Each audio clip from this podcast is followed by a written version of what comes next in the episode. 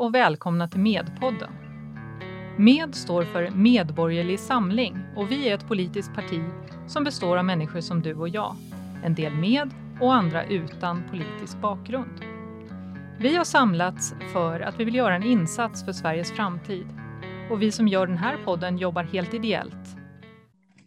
Ska vi se, ja, eh, vi eh, sitter här idag i eh, panelen och vi ska diskutera riksekonomi och lite budget. Vi i Medborgerlig Samling vi eh, vill ha ett omtag vad gäller den ekonomiska politiken. Där andra partier som framställer sig som borgerliga vill hålla på och smådutta och sänka någon liten skatt här och någon liten skatt där. Så står vi i Medborgerlig Samling för en mer övergripande omdaning av hela, eller inte hela, men, men en omdaning av det ekonomiska systemet som jag nästan skulle vilja kalla för en reformering. Och generellt så är ju våran eh, syn i Medborgerlig Samling att eh, våra gemensamma skattepengar, de ska läggas på kärnuppgifterna som eh, försvar, vård, skola, infrastruktur och rättsväsende. Det vill säga sånt som vi behöver ha.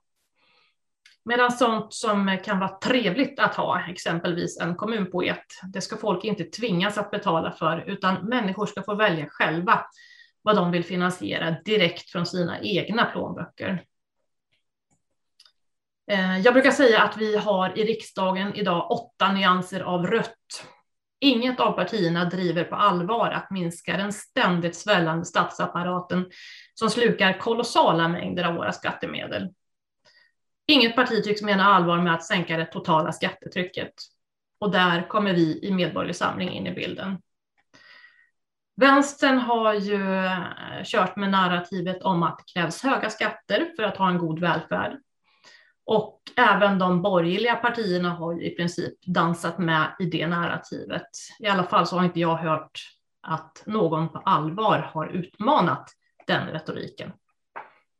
Det går mycket väl att sänka skatterna och ha en god välfärd. Det handlar helt enkelt om att man prioriterar pengarna rätt. Och där har vi bland annat Schweiz, Schweiz som ett gott exempel. De har lägre skatter än vad vi har i Sverige, men de har en högre levnadsstandard. Och eh, ja, vi ska idag prata lite grann om den svenska ekonomin och budgeten bland annat som är aktuell. Och eh, vi som deltar här är jag, Åsa Tallroth, är vice partiordförande. Eh, ja, ni andra grabbar, ni kan ju ta och presentera er själva. Vem ja, går först? Kör på. Fredrik Wilkens, jag är 57 år gammal, egenföretagare i finansbranschen, medlem i Medborgerlig Samling sedan 2018 och styrelsemedlem i Stockholmsdistriktet. Ja, mitt namn är Johan Warland. Jag är fembarnsfar, exilsmålänning, bosatt utanför Stockholm, företagare och eh, motorsporttokig. Eh, jag är också andre vice ordförande i Medborgerlig Samlings partistyrelse. Ja, och det är jag som är Ilan Sade. Jag är partiledare för Medborgerlig Samling. Eh, jag är jurist annars till yrket. Jag har jobbat mycket med småföretagare och deras eh, juridiska problem och tvister och så vidare i säkert 15 år vid det här laget. Och eh, jag sitter här i Malmö och sänder härifrån. Ja, ni körde den här långa, lite mer utförliga presentationen. Då kanske jag också ska göra det. Eh, jag, Åsa Tallroth, eh, jobbar i det privata näringslivet med logistik. Jag har varit med i Medborgerlig Samling sedan sen innan det hette Medborgerlig Samling. Det hette då Borgerlig Framtid. Gick med i mars, tror jag var, 2015. Eh, så jag börjar känna mig som en inventarie i partiet nu. Ja, det var lite om vilka vi är. Ska vi slänga oss in i diskussionen då? Eh, vi har eh, som eh, förslag diskuterar 74 miljarder extra reformer. Budgeten är på tapeten. Den, det kommer kanske bli lite kärvt för Magdalena att få igenom den. Vi får väl se. Men 74 miljarder i alla fall är det tänkt att det ska bli i extra reformer. Frågan är lite grann då varför kan vi inte få satsa de här pengarna som vi själva vill istället? Ja, folk kan ju få för sig att man inte ska rösta på sossarna annars ju. Och det vore ju farligt för dem i alla fall. Eh, ja, nej, men frågeställningen är ju precis korrekt formulerad så som du formulerade den. Det vill säga, eh, när man närmar sig val framför allt så börjar ju politiker tala om reformer och reformutrymme. Eh, och det är ju kodord för eh, att eh, helt enkelt eh, ta in mer pengar från oss medborgare och skattebetalare och eh, pytsa ut dem eh, till eh, oss medborgare och oss skattebetalare. Men efter politikernas eh, bästa eh, välvilja eh, eller efter vilka grupper de vill muta inför valet. Det är ju så det går till. Och det kallas på, på politikersvenska för reformer eller reformutrymme. Och där har vi bland annat sossarnas familjevecka till exempel och andra liknande så kallade satsningar. Det satsningar är ju ordet, eh, för det, det, det har man ju använt mycket. Och, och, grejen i år är ju att det, det slår nästan rekord. Jag, jag tror aldrig jag sett så här mycket tidigare, för att om man tittar i budgeten så för i år som vi sa 74 miljarder och räknar man ut det, vi, vi är 5 000 skattebetalare i Sverige, räknar man ut det per skattebetalare så är det nästan 15 000 kronor per person. Det är alltså pengar som man lägger på nya grejer som man hittar på för att det ska se bra ut och att man därför ska försöka vinna väljare. Mm. 15 000 kronor per person, det är ju enorma pengar. Eh, och det är inte bara 2022, utan 2023 så ska man pytsa ut 67 miljarder. Och sen 2024 ska man pytsa ut ytterligare 76 miljarder. Och det är pengar som man istället hade kunnat sänka skatten med så pass mycket. Så liksom tittar man på det där sammantaget, alla de tre åren, så pratar vi om 44 000 kronor per skattebetalare. Det är mycket pengar som jag tycker vore mycket bättre. Vi har polis, vi har, vi har en massa saker och sen så gör vi en massa onödiga saker. Sluta göra de onödiga sakerna, gör det som behöver göras bra och sen så ge tillbaks pengarna till skattebetalarna. De kan själva eh, mm. besluta om vilka satsningar de vill göra. Det som mm. politikerna inte verkar förstå överhuvudtaget är det här att och som kanske många människor inte heller riktigt eh, funderar över, det är att varje satsning som en politiker gör och som finansieras med skattepengar, det är pengar som vi inte kan satsa vi själva, våra grannar, eh, människor runt omkring oss. Så vi ska bli glada när de satsar 74 miljarder. Men i själva verket, det de säger är, eh, ni får inte satsa de här 74 miljarderna själva. Vi är bättre än vad ni är. Vi vet vad ni ska ha. Därför tar vi de här pengarna från er. Och ni får skrinlägga de olika investeringar, satsningar och saker ni vill göra som ni tycker är bra. De får ni kapa bort helt enkelt. Det är bara lägg ner det, för nu tar vi de här pengarna och så gör vi våra satsningar som det kan vara bra saker, det kan vara dåliga saker, men det är framför allt ett uttryck för deras maktutövning över oss. När de väljer att göra saker som vi inte hade valt att göra. Vi hade valt att göra någonting annat för pengarna. Men ändå förväntas vi bli glada över satsningar. Mm. Jag tänker, alltså det som kommer upp i mitt huvud, det är ju det känns nästan lite grann som en omyndigförklaring av oss, att vi själva inte är kapabla att mm. avgöra vad våra pengar ska gå till. Mm. De tar våra pengar och sen lägger de på sånt som de tycker är nödvändigt för, för deras, ur deras synsätt. Men det är ju inte säkert att vi, som, som faktiskt är skattebetalare, har samma syn på vad som faktiskt behöver ha pengar. Så ja, där, eh, de kliver in och uh, tar våra pengar och uh, lite så här klapp på huvudet, du vet inte vad som är bäst för dig. Uh, och just, just nu är det ju väldigt mycket, mycket fokus på att man ska återstarta ekonomin efter pandemin. Så det, det, är, det är så man motiverar de lite extra stora satsningarna. Det där är lite intressant att du tar upp faktiskt. För jag var inne på Konjunkturinstitutet och eh, kollade den här konjunkturbarometern. Eh, och den visade ju väldigt positiva siffror. Mm. Det, det, går bra för företag, det går bra för svenska företag. Mm. Så frågan är lite grann, Magdalena Andersson, hon motiverar ju de här extra, det här extra reformutrymmet med att eh, det ska få en återstart nu efter pandemin. Men det verkar inte behövas. Men de kan ju inte, nej, de kan ju inte göra nya pengar. De där pengarna återstartar ju ekonomin oavsett om det är staten som spenderar dem eller om det är vi medborgare som spenderar dem. Den stora skillnaden är att vi spenderar dem på en massa saker med en massa små beslut som ser vad som händer på marken. Staten spenderar pengarna i stora, klumpiga beslut med ska säga, en vy som är långt bort ifrån verkligheten.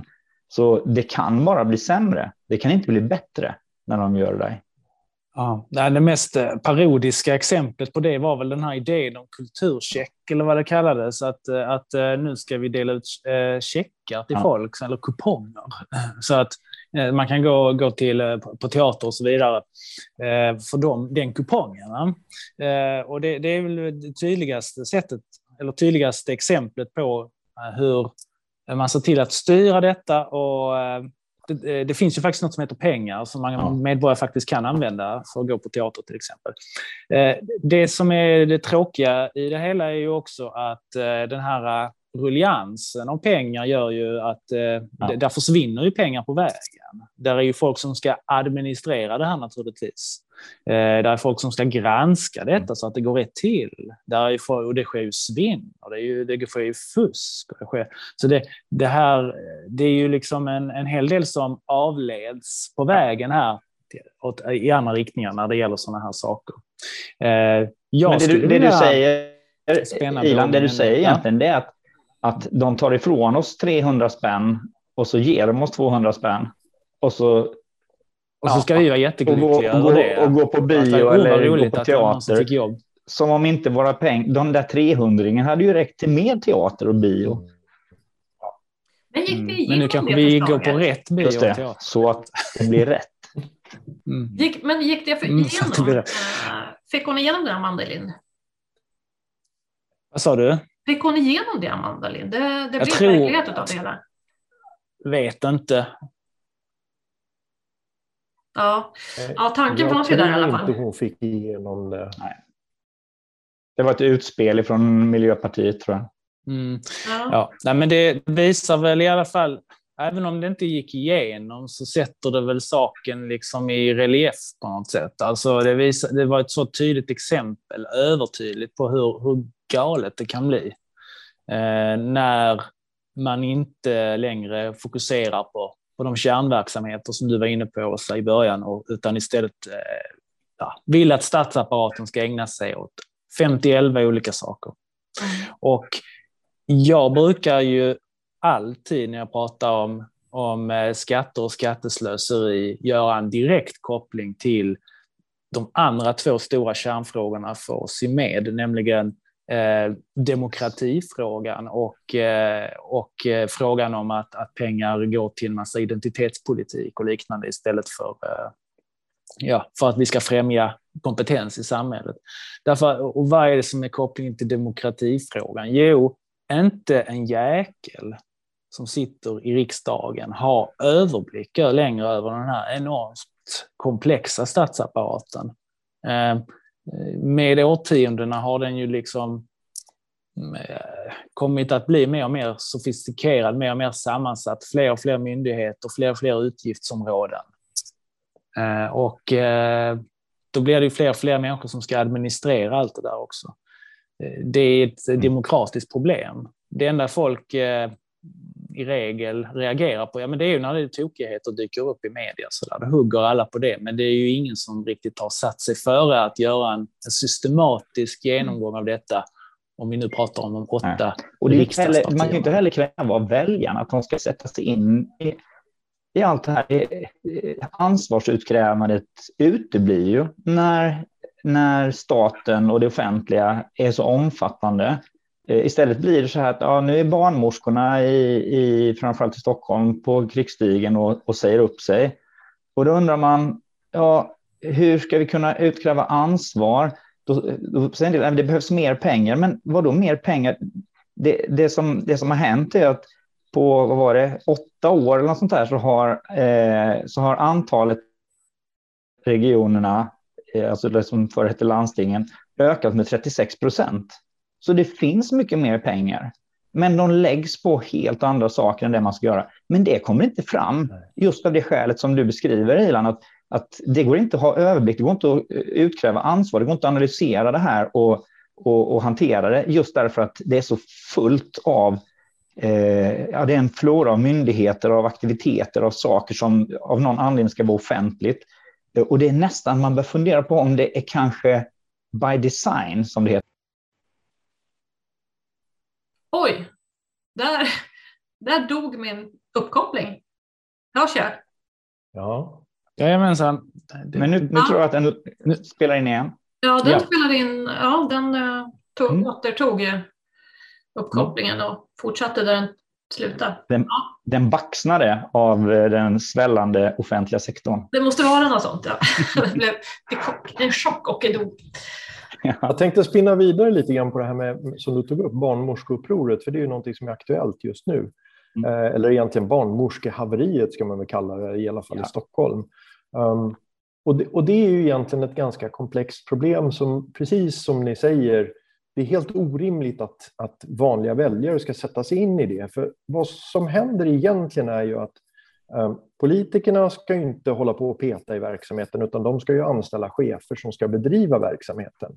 Men problemet är, uppstår egentligen i att de anställer chefer som, som de vill ha för att de vill säkra att de blir återvalda. Det vill säga cheferna ska göra saker som gör att de har större chans att vinna nästa val. Och det är mm. helt fel prioritering. Mm. Um, för cheferna har deras uppgift är att lösa och leverera tjänsten. I, i, i fallet då med sjukvård så är det ju, man ska leverera sjukvård inom en särskild ekonomisk ram och man ska göra det så att patienter blir nöjda och så att eh, medarbetarna blir nöjda. Men det är ju inte det de gör. De utnyttjar istället medarbetarna så de blir extremt missnöjda. Eh, och allt det gör de för att politikerna gör beställningar så att de kan visa upp vissa saker för sina väljare. Det där tycker jag är det är faktiskt det är ett demokratiproblem. Nu är det ja. lite långt från riks och budget och så vidare. Ja. Men, men, ja, men du, på det. Och du är inne på en sak där. Det förklarar nog alla de här kommunikatörerna som är anställda. Det är viktigare att man kan få det att se bra ut än vad man mm. faktiskt gör. Och det är klart mm. att då blir kommunikatörer kärnverksamhet. Mm. Om det är det viktigaste, ja, anställ kommunikatörer. Och det är precis det vi ser. Mm. Mm. Och det är, det är också så att man ser att de anställer ju ofta politiker som tjänstemän. Det vill säga politiker ska gå in i förvaltningen och, och leverera det som politikerna vill ha för att kunna vinna sina val. Och då får vi en suboptimal förvaltning och det mm. blir väldigt dyrt. Det blir det samma väldigt, sak i, väldigt dyrt. Det är samma sak i myndigheter så hamnar ju politiska människor och det som mm. det de kallar civilsamhället, men som egentligen är det man brukar kalla astroturf. Det är alltså mm. inte riktiga gräsrötter utan det är plastgräs som är ditsatt och finansierat av politikerna. Då bildar man ett antal sådana här verksamheter eh, och så sätter man sina kompisar där eh, i de här olika vänstervridna partierna. De har sina vänner i de här eh, organisationerna. Sen går de här organisationerna och söker pengar, äskar pengar ur staten och så får de bidrag och sen ska det stiftas en lag. Då är de remissinstans. Så inte nog med att de får vara med och bestämma, de kan dessutom finansiera hela sin rörelse, alltså sin politiska rörelse och sina åsiktsfränder genom att dela ut de här små förläningarna som kallas då civilsamhälle när det egentligen är någonting helt annat. Mm. Absolut, där har, vi, där har vi demokratifrågan igen. Ja. Eh, det, det, är så eh, eh, groteskt att jag vet knappt var jag ska börja egentligen när det gäller den här Eh, nu satte vi eld på Ilan. ja, men jag blir för asförbannad när det gäller det man kallar för civilsamhället och, och den här, för att använda ett fint ord för det hela och inte börja svära i tv, alltså den här statliga korporativismen som finns i Sverige eh, där, när det gäller civilsamhället. Eh, man känner igen det egentligen från totalitära stater. De brukar jobba på det viset. Eh, att man har eh, någon form av eh, beroende eh, situation där föreningar, organisationer är nästan statens förlängda arm. Men sen när staten ska genomföra saker och ting som kan eh, ja, få någon dum idé som man ska hitta på, då kan man alltid eh, be civilsamhället eh, och att driva de frågorna och, och, ja. och vara, vara med i tv-sofforna och företräda och säga att nu är det de här sakerna som gäller. Mm. Eh, för att eh, stötta våra, det här tycker våra medlemmar och så vidare. Eh, och så, så, ser det ut som att det är folket som kommer med det här eh, stor, stark, stora kravet. Liksom. Och vi ja. har ju ett helt jävla klägg av de här organisationerna som är, de är, de är liksom, de hade dött på fem minuter om man bara hade dragit undan mattan i form av, av alla bidragspengar från staten. Ja. Och det gäller för all del eh, de gamla politiska partierna själva. Ja. och det gäller också sådana här ganska stora organisationer som har väldigt bra rykte, som tar Rädda Barnen. Um, ja, visst. Ja, där ja. Har liksom, och, och, och, de har väldigt gott anseende hos allmänheten och gör förmodligen rätt mycket bra saker, men de är ju kapade. De har, mm. Där har liksom Bengt Westerberg suttit som ordförande i väldigt många år. Um, och eh, det är ju det här att man, liksom, man skapar en stor, som du pratar om, en, en slags politikindustriell mm. uh, sak där man liksom ger varandra tillsättningar och så vidare. Ja. Men det, här, det viktiga tycker jag, och, och det vill jag komma tillbaka till, det här med att man flyttar mellan politiken och förvaltningen, det borde egentligen förbjudas. Man borde, borde införas någon slags karantän kan jag tycka. Um, att är man aktiv politiker så ska man inte kunna bli anställd direkt i förvaltningen. Därför att det är två olika delar som in, där du måste ha ett mm. oberoende.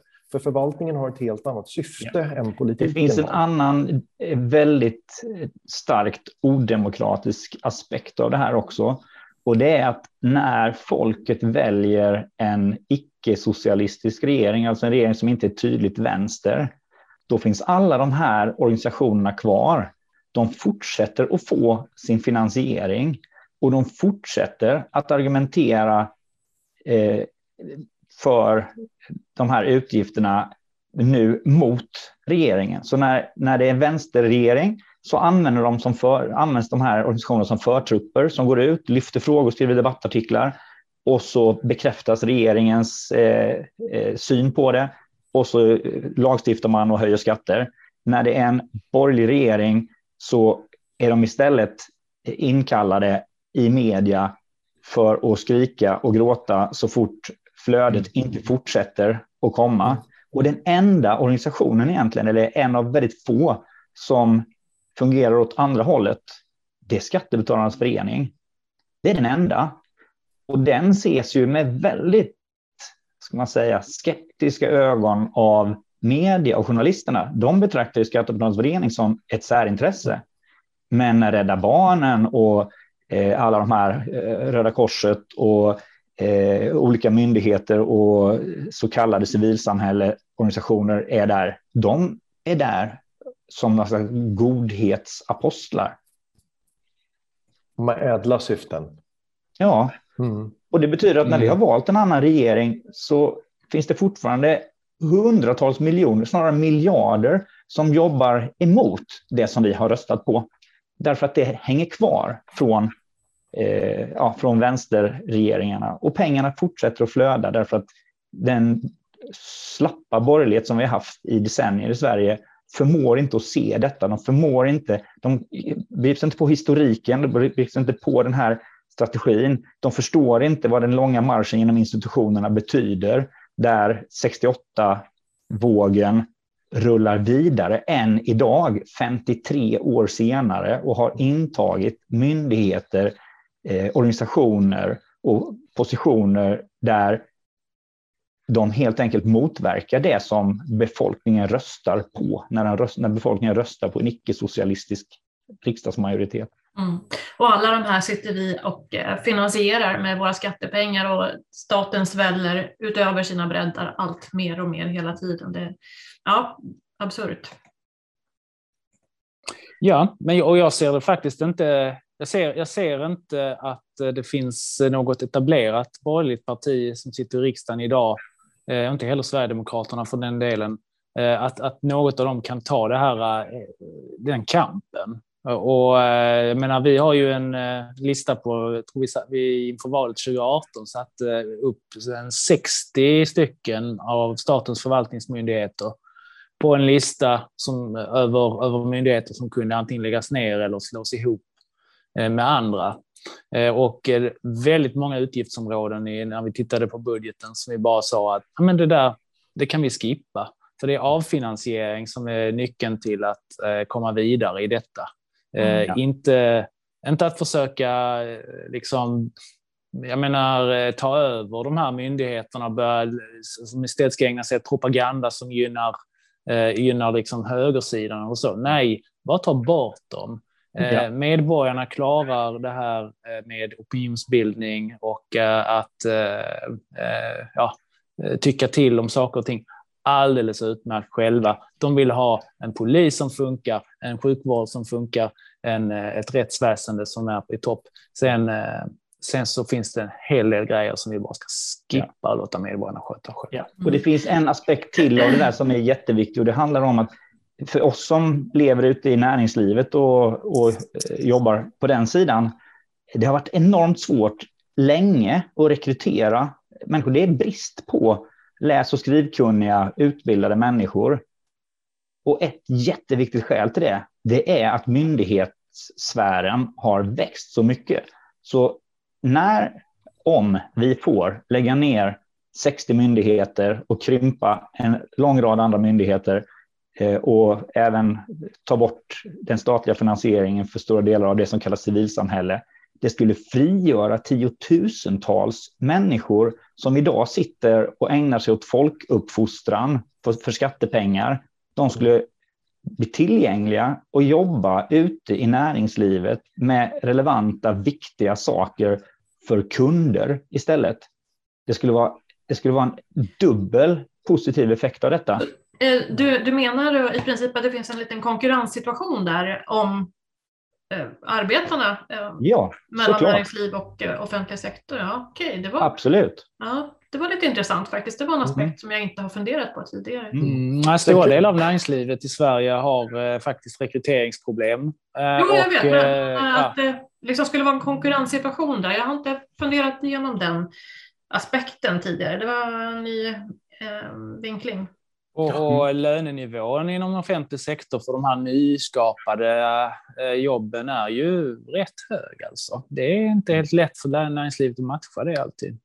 Nej. Och det är bara att titta, Ilan, du kan ju se i din, i din bransch, eh, det finns ju kategorier inom eh, jurist och advokatyrket som har sin försörjning helt och hållet i väldigt välbetalda skattefinansierade saker. Det är asyladvokaterna, det är försvarsadvokaterna, det är eh, alla i myndigheterna som, eh, som har det. Och, och, och det innebär ju såklart att eh, det blir mer kostsamt, svårt att rekrytera duktiga jurister och mer kostsamt att anlita och rekrytera duktiga jurister.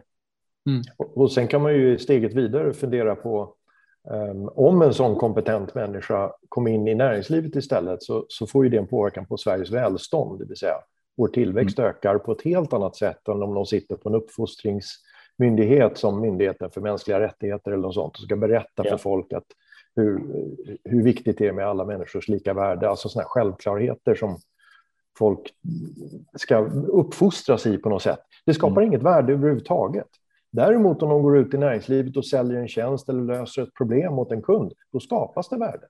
Yes, och det här är inte människor, det är inget fel på de här människorna. Det är absolut inget fel på alla de människor som jobbar i, i myndigheterna, utan det det handlar om är att eh, kommer de i ett, ska man säga, ett, i en konkurrensutsatt verklighet där det är kunder som behöver få leverans av saker och ting, då kommer människor att bete sig på ett sätt som skapar välstånd och nytta för andra människor. Så att det är inte, en del har den här bilden av att byråkrater, är, att det är något fel på dem. Det är det absolut inte. Utan det handlar bara om den institutionella inramningen. I vilken organisation sitter de? Med vilka syften? Vad, hur belönas de? Och vad driver den organisationen? Så jag tror massor av de här människorna skulle göra ett fantastiskt jobb i näringslivet och skapa både tillväxt och massor av nöjda kunder. Mm. Enorm potential. Mm. Men ja, lite omskolning blir det kanske. Ja.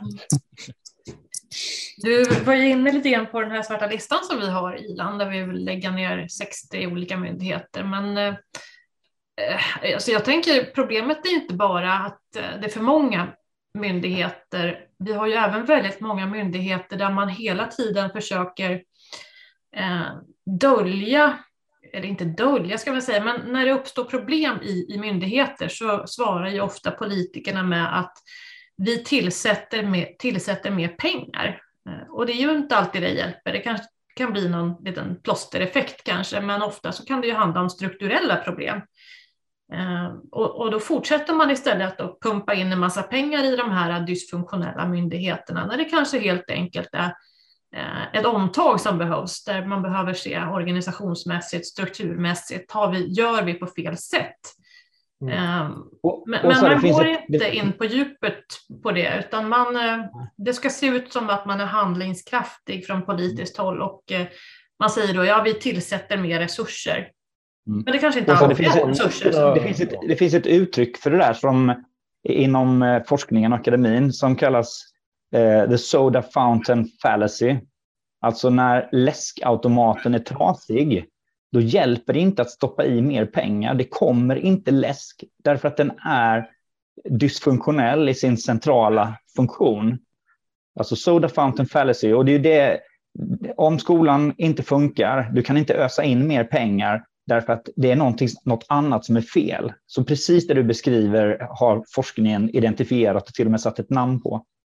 Eh, ja, man tänker ju kanske främst på, eh, jag tänker av någon mm. anledning mest på just skola och sjukvård. Eh, och vilket i och för sig då är kommunala och respektive regional huvudmän, huvudmän då. Men, men där är det ju sådana exempel. Sjukvården är ett strålande exempel. Där är alltid, nu är det kömiljarder hit och mer pengar dit och in med mer pengar. Men när, när huvudproblemet ju är att sjukvården i grund och botten är planekonomiskt styrd. Uh, och i planekonomier så blir det köer. Ja, så är det bara. Ser ju det blir köer. Det... Kommunistiskt långa köer till sjukvården många gånger. Mm. Spelar ja, ingen roll att, blir... Eh, att, man har satt till en 90 eh, dagars eh, vårdgaranti. Nej. Den där hålls ju inte och det blir inga som helst konsekvenser om man inte håller den där vårdgarantin nej. heller. Nej, nej, det, det, kan finnas fantastiska medarbetare och det finns. Och vi har fantastisk Gud, sjukvård eh, inom, inom, i Sverige när man väl kommer till. Men det stora problemet är såklart köerna. Eh, och styrningen. Och det blir ju så när, när man har politisk styrning, eh, gigantiska byråkratier som ligger liksom ovanpå professionen, ligger ovanpå på de som jobbar. Eh, så att där har vi ju en, hel del att göra. Alltså. Ja, nej, jag det tänker det är väl inte egentligen vårdkvaliteten som, som är problemet. Det, det, problemet är ju att folk faktiskt inte kommer fram och får vård. Jag tror att eh, i Sovjet så hade de säkert jättebra kvalitet på, på brödet eh, när folk väl kunde köpa brödet. Eh, så det är ju liksom inte själva kvaliteten som diffar. Vi har bra... god utrustning och god teknik inom vård, men mm. ja. Det kan vara bra att komma ihåg det också att den svenska vården var fram tills ungefär när jag föddes, jag är född 1970, eh, nästan hela 60-talet var fortfarande vården i Sverige huvudsakligen privat. Mm. Alltså en läkare och i primärvården, man var en läkare och då, då var man det i sig själv och eh, hade en läkarmottagning. Så med undantag för universitetssjukhusen så var vården i Sverige privat. Mm. Men då gjorde de ett väldigt medvetet val, en satsning att successivt tvinga in läkarna i i eh, den här socialiseringen då med, med eh, det som då hette landsting. Eh, och det är så man har skapat det vi har idag. Det, det är inte en, ska man säga, en eh, av Gud given eh, struktur vi har och många länder har kvar den privata strukturen. Det är Schweiz som du var inne på tidigare, Tyskland, eh, Belgien när det gäller apotek till exempel. Jag har själv blivit sjuk i Belgien och, och kunnat väcka en apotekare mitt i natten som kommer ner med eh, sin Eh, pyjamas och luva på huvudet och plockar fram mediciner. I, I, stora delar av världen eh, så finns det fortfarande stora privata inslag som fungerar väldigt bra, precis som den svenska vården gjorde innan någon bestämde sig för att socialisera den. Mm. Och, då, och då får man ju lägga till också, då har vi en svart lista med 60 myndigheter som vi vill avveckla. Och sen så har vi regioner har vi sagt att vi vill avveckla. Och så gå till de andra borgerliga partierna och se hur många myndigheter vill de lägga ner? Jag vet faktiskt inte någon som vill lägga ner någon myndighet. Det är väl något, någon, något av partierna som faktiskt har idén också att de här regionerna mm. tillför faktiskt ingenting utan de skapar bara en massa administration och överbyggnad. Men på, hos de andra finns det ju inte det här.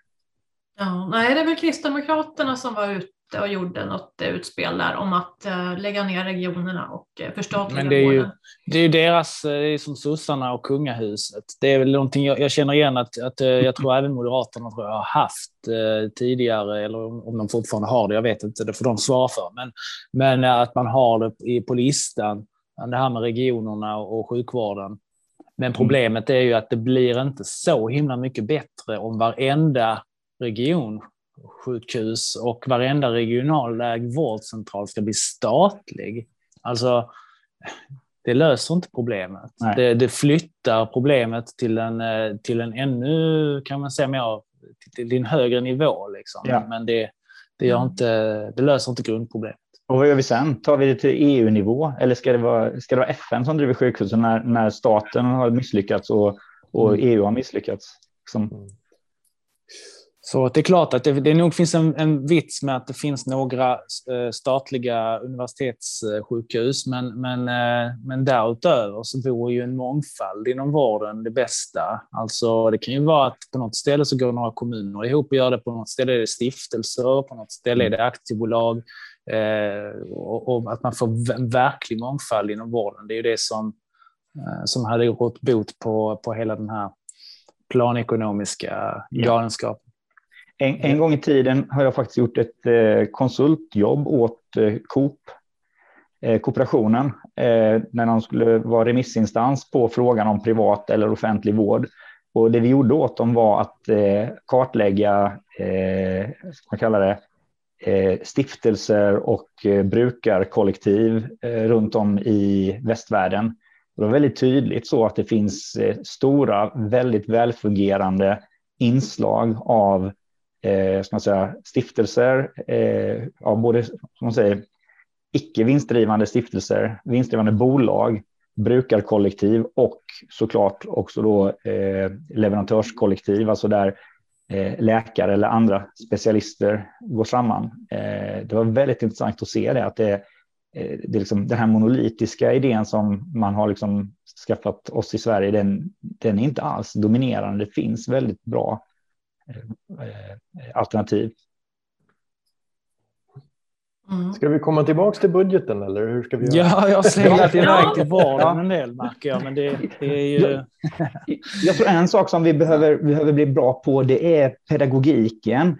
Därför att, eh, och skälet till att de andra borgerliga partierna inte har kunnat hantera det här, det är att det är en svårare pedagogik. Att att säga till väljarna, ja men här blir det pengar till, eh, till fritidsgårdarna och till fotbollsklubbarna och det blir till eh, ditten och datten och där och inte förstå att pengarna med andra handen tas direkt ur deras fickor. Den är väldigt lätt att sälja. Medan om vi säger nej, vi vill dra ner detta, detta och detta, då gör de allra flesta kopplingen. Ja, men vi har ju en, vi vill ju att det ska byggas en simhall här vi eh, vill ju ha konstgräsplan till vår fotbollsförening och så vidare. De, det, människor har mycket lättare att förstå den sidan av det än den här sidan. Ja, fast har du 15 000 spänn mer i fickan så räcker om halva fotbollsklubben går ihop så kommer ni att kunna daska upp det som behövs för en konstgräsplan.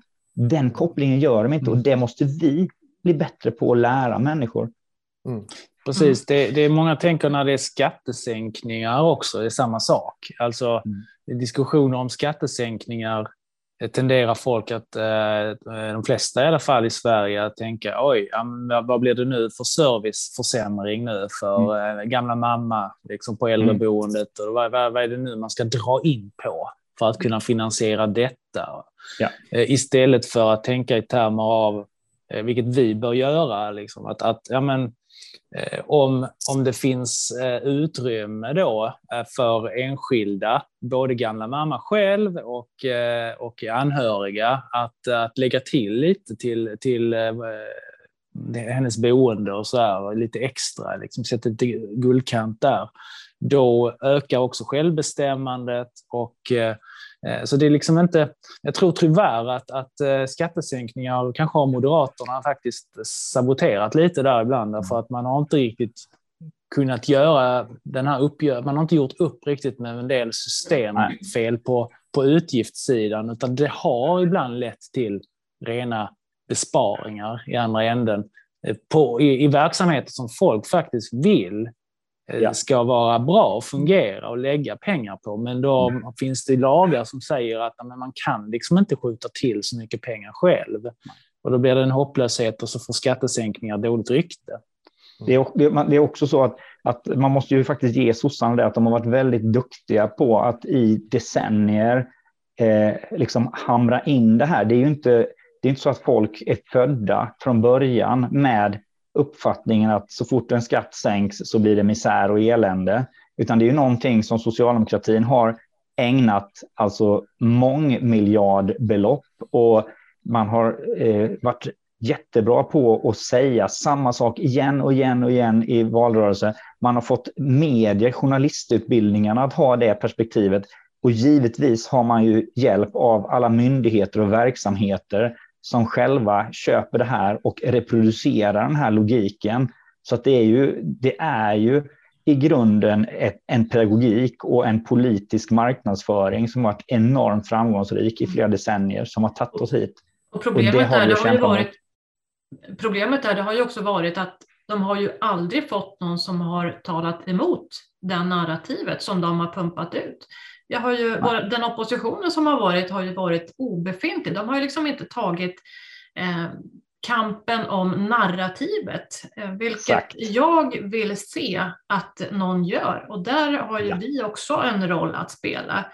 Vi ska ja. inte spela på vänsterns planhalva. Det är inte de som ska sätta, få, sätta problemformuleringarna hela tiden. Och, eh, eh oppositionen har inte skött sitt jobb, helt Nej. enkelt.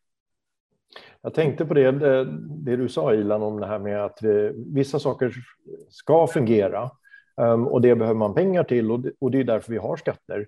Um, och, och, nu är alla ganska överens om att nu behöver vi satsa mer pengar på polisen därför att det har då liksom varit eftersatt och det saknas poliser och ja, man, man möter inga poliser på gatan, de finns inte ute i samhället. Så, och då är alla med på att eh, ja, vi behöver satsa på det området eller helt enkelt spendera mera pengar på det för att få det vi faktiskt vill ha. Um, och då är det ändå ganska intressant att i andra änden så sitter man och satsar på massa saker som man liksom inte är speciellt öppen med. Man, man satsar då till exempel eh, 4 miljarder på att skapa en familjevecka, men polisen lägger man 2 miljarder på. Um, och, och, det blir också sådana här konstiga saker som att biståndet som är en jätte, jättepost. Och, och jag säger inte att vi ska ta bort allt bistånd, men det är ju det är orimligt att vi lägger 52 miljarder på internationellt bistånd eh, per år. Och dessutom är det så att nu påstår man att man satsar på polisen. Man lägger 2 miljarder nu mer på polisen i, i Socialdemokraternas budget för 2022. Men samtidigt drar man upp biståndet med 4,7 miljarder. Så det finns liksom ingen, finns ingen balans. Var, var, var, ligger vårt behov av att öka ja. biståndet med 4,7 miljarder i det här och det, läget? Och det är precis när det kommit en eh, rapport och en utvärdering av ett par decennier av bistånd till Afghanistan där man konstaterar att 14 miljarder har gett noll nytta. Sannolikt har det skadat. Ja, det har det liksom, ju... Och den, den rapporten och analysen är precis på bordet och i den miljön så ställer man så skottar ut de här pengarna, den här ökningen. Mm. Mm, skottar ut så här. Ja, ja, precis. Jag skulle, jag, jag inte, det var lite finkänsligt sagt där, eh, Fredrik, om att vi, vi ska lägga ner allt bistånd. Jag, jag är lite mindre finkänslig där. Jag tror i alla fall fyra femtedelar och sånt här är lätt. Det vi ska ja. ha är naturligtvis ett, ett katastrofbistånd vi ska kunna avhjälpa humanitära kriser. Eh, i viss mån finns det väl ett, eh, kanske ett bra att ha ett eh, visst stöd till civilsamhället. Men det tror jag också å andra sidan att civilsamhället i Sverige kan klara av mycket, bättre själv. Och där finns också ja. massor av korruption tyvärr inom det området. Mm. Eh, till, visste ni till exempel att partierna själva har egna biståndsklubbar? Eh, varje parti har en egen liten klubb där man får pengar som man då använder ja. för att åka på eh, och gulla med partikamrater i andra länder. Yes. Ja. Och så pumpar man in lite pengar där i dem och vänstern kan ju, Vänsterpartiet kan ju, har ju hållit på med så här gerillarörelser i Latinamerika och fan hans mormor. Det, det finns äh, bistånds, jag brukar kalla det för biståndsindustrin. Mm. Det eller man skulle nästan kunna säga med en liten blinkning till Eisenhower att det är liksom det biståndsindustriella komplexet. Ja. Eh, där har vi en jätte, eh, ett jätteområde där eh, de borgerliga hittills har varit helt... De, de har, det har varit syltrygga, man har inte vågat ta tag i det. Tvär, och tvärtom är det väl ofta så att, jag menar, det är ju så här som Folkpartiet och Centern har väl varit för, att, att bara trissa upp det ännu mer. Så de inte, de, man har ju inte alls sett med kritiska ögon på detta. Nej. Och de flesta jag eh, har sprungit på eh, som har varit inne i biståndssvängen, de eh, tycker ju att det är motbjudande. De som har sett hur bistånd fungerar på plats. Eh, Patrik Engela är ett bra exempel på en sån person. Eh, och, eh, ni, vet Fredrik Skavlan som jag tycker han är lite si och så som, eh, som programledare, men han är en fantastisk skämttecknare. Det kanske ni inte visste. Eh, han har ritat en fantastisk bild där det står en kille i Bermudas-shorts och en badring vid en pool och så står det för bara 20 kronor, för bara 20 dollar om dagen kan den här biståndstjänstemannen få fräkt vatten i poolen. Och det handlar lite grann om det här som de som har varit iväg på bistånds, eh, i biståndssammanhang, det de har sett. Att kostnaderna är väldigt lite av pengarna kommer fram. Det är en stor apparat som inte gör mycket nytta. Det, det jag möjligen kan se som är, är, värdefullt, jag vet att vi har klonat en del, en del system från Sverige, det är fastighetsdataregister och sådana här saker, att man helt enkelt lägger lite konsulttimmar på att eh, i princip gratis ge bort eh, vårt system för att hålla reda på vem som äger fastigheter. Det är ett sådant exempel där, där det faktiskt kan vara så att en stat kan hjälpa en annan stat. Mm. Mm. Och det görs ju i och för sig. Vi, vi är rätt mycket ja. ute och hjälper till Eh, centralbanker till exempel är, är Riksbanken rätt flitig i att hjälpa och bygga ja. upp stabila system. Men, Men det är en mikroskopisk del till... av biståndet. Det är en väldigt liten del av biståndet oh ja, som är sådant. Oh ja. ja. och det har inte tror... så mycket med pengar att göra framför allt. Nej. Nej. Men jag ville komma tillbaka till 4,7 miljarder ökar man biståndet. Det motsvarar 9 400 poliser. Mm. 9 400 poliser. Och, och sen kan man tänka då också att okej, okay, nu lägger vi 2 miljarder på polisen, men eftersom brottsligheten ökar så måste vi lägga mer pengar på kriminalvården eftersom vi nu äntligen har kommit på att det är bra att låsa in eh, seriebrottslingar och grova våldsbrottningar för då, då kan de liksom inte skada sina offer eller skada vanliga oskyldiga människor. Ja, så att kriminalvården kommer att kosta en och en halv miljard mer nästa år också. Vi måste lägga mer pengar på advokatbiträden, vi måste lägga mer pengar på domstolar och åklagare. Så överhuvudtaget så satsar vi 4,2 på hela rättsväsendet, 4,2 miljarder. Men ändå ska vi skicka ut 4,7 miljarder till biståndet. Alltså, och det, finns man... ingenting som hänger ihop här. Nej. Och det ska man komma ihåg att biståndet har fått de här ökningarna hela tiden, decennium efter decennium. Rättsväsendet och polisen, det har ju nu plötsligt blivit lite inne att ge pengar till det.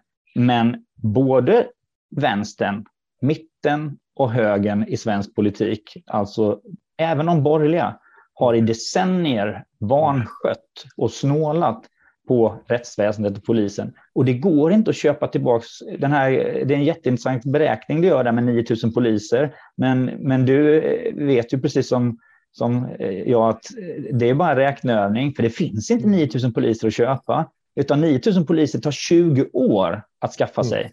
Mm. 20 år av konsekvent och klok politik där man lägger pengar mm. på sådana kärnfunktioner i samhället. Ja, och det här har ju politiker från höger till vänster konsekvent under flera decennier har man underdimensionerat polisen. Ja. Och det är det ja. vi sitter med nu. Ja. Jag vet inte om ni hörde, det var väl i veckan, eller var det förra veckan kanske, Polisförbundet som gick ut med eh, resultatet av en undersökning som de hade gjort, att en av tre poliser letar nytt jobb. Mm. Och eh, bland annat ohållbara arbetsförhållanden men även en dålig lön som uppges vara orsaken. Och eh, samtidigt som vi sitter och pumpar ut över 50 miljarder i bistånd till eh, oklar nytta och eh, lite oklart var pengarna hamnar också, vems fickor de hamnar. Så där hade man ju faktiskt kunnat eh, göra en omprioritering. Eh, det är väl ganska eh, självklart egentligen att man borde göra det. Mm. Men jag tror mm. att mycket av eh, syftet med biståndet eh, är nog att våra politiker vill se bra ut i omvärldens ögon också. De vill smeka sitt eget ego, eh, mm. får jag för mig. Ja, och, och skaffa sig en situation där de är välkomna ut internationella, eh, internationella organisationer när karriären i Sverige eh, har nått vägs ände. Mm. mm. Jag måste ändå, jag måste bara få lyfta upp det här för att eh, vi har ju vårt program angående det här med arbetsmiljö och, och, och kanske framför allt vad poliser tjänar för att man måste ju faktiskt ge dem lön som är konkurrenskraftig så att de inte går till det privata näringslivet. Och vi har i vårt program en satsning på polislöner som innebär att vi vill höja lönerna för poliserna i, i genomsnitt med 4 000 kronor per månad. Och det är en ordentlig satsning. Det är ingen kalanka satsning Så går man in och tittar på hur mycket vill Moderaterna lägga på det här nästa år? De vill höja lönerna med 450 kronor i månaden. På tal om det här, dutta lite här, dutta lite där. Mm. Ja, nej, jag tror inte riktigt att det, de här 450 kronorna är de på något sätt avgörande för om man behåller kompetens inom polisen. Uh, nej, tveksamt nej. va? Nej. Uh, och ingångslönerna för poliser är ju ganska låga idag om jag förstått det rätt, om man jämför med en hel del andra tjänster inom offentlig verksamhet. Mm. Ja. Polisförbundet har själva begärt ungefär lika mycket som förra året och då fick de 360 miljoner i en sån särskild satsning för polislönerna. Nu har ju sossarna helt skitit i det inför nästa år, men Moderaterna lägger 150 miljoner. Det är också så att, att eh, mina vänner och bekanta som jobbar i Polismyndigheterna, de noterar ju också det att vill man få bättre lön inom polisen så måste man bort ifrån polisjobbet, upp mm. i administrationen, in i staberna Eh, vilket är enormt sorgligt för eh, det är ju, ja, och det har ju såklart att göra med att det är så lite pengar som tillskjuts för löneökningar så de, de mesta hamnar på karriärjobben när det egentligen är så att det vi behöver är att se till så att de poliser som gör riktigt polisjobb ute på gatan och med utredningar eh, och som faktiskt löser brott, de måste få en löneförhöjning och ett, en bättre säga, situation och göra mm. sitt jobb bra. Och där, det funkar inte så, utan vill man tjäna pengar som polis, du måste sluta jobba som polis och in i administrationen. Mm. Mm. Ja, det är Ja, ja. Nej, så det är lite om att uh, man brukar säga ibland i debatter man ska inte ställa grupp mot grupp och så där. Men uh, här, det man kanske ska göra är att ställa myndighet mot myndighet lite mer. Utgiftsområde yes. mot utgiftsområde. Uh, polismyndighet mot, mot bistånd som, som, är, ja, som ni var inne på, många gånger är skadligt snarare än att vara nettovinst. Mm. lite mer av den varan Eh, Eh, och då behövs det ett engagemang inom de här frågorna. Och, eh, och jag ser inget etablerat riksdagsparti som, som står för ett sådant engagemang överhuvudtaget. Utan eh, när man väl är i regeringsställning så ja, men då, då kommer man ju att försöka jobba med de här vanliga, man kommer in i samma vanliga lunk, man gör några små förändringar, man är framförallt väldigt ängslig tror jag för att hela den här eh, det vi pratade om inledningsvis, alltså eh, det här eh, nätverket av myndigheter och så kallat civilsamhälle ska, ska vända sig mot eh, borgerliga regeringar. De borgerliga regeringarna är ju väldigt ängsliga för detta. Mm. Och så kommer man inte så långt. Nej, det är ju därför vi har kvar till exempel flerbarnstillägget ja. som är ett fullständigt barockt eh, bidrag som man ger där man alltså får mer pengar ju fler barn man föder efter tredje barnet. Eh, man får det till och med från andra. Med. Ja, precis. Och, och, det har ju Riksrevisionen då sagt att det kan man skippa helt och hållet. Men det är ett typiskt sådant bidrag. Vi har haft flera eh, borgerliga regeringar. Ingen har tagit bort det. Det fyller Nej. ingen funktion alls. Man vågar inte. Det där, eh, du får, alltså de klarar ju inte av den debatten. De klarar inte av att ta den kritiken och svara mot den. Varför man vill ta bort den. Så ja, det är feghet helt enkelt. Man vågar inte.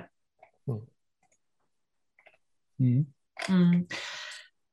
Uh, ja, Nej, vänner. Ja. Uh, jag tänkte bara säga några, om jag kunde säga några avslutningsord lite, för att jag vet att eh, landet Schweiz nämndes här tidigare. Eh, och eh, jag tänker ju så här också när det gäller skattepolitik och skatteslöseri, att vi, vänstern och en hel del borgerliga, eller halvborgerliga i alla fall, tenderar ju att vara väldigt fokuserade på Eh, USA och på anglosaxiska länder i stort. Och det är kanske inte så konstigt eftersom det är, eh, det är en, eh, en kulturell dominans förstås inom, från USA och så där. Och vi vet väldigt mycket om vad som händer i USA och vet väldigt lite om vad som händer nästan eh, hos europeiska grannländer. Va?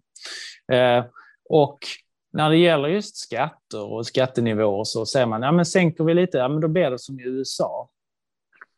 Eh, och där har, finns ju faktiskt rätt stora sociala problem med fattigdom. Eh, USA är en hel kontinent för övrigt, så det är, det är väldigt knepigt att säga det, att jämföra. Det, det är liksom inte jämförbart på samma sätt. Men jag tycker att det är mycket bättre om vi börjar titta lite på exempelvis Holland, i och för sig Holland har ganska högt skattetryck, men titta på hur de löser sin sjukvård till exempel.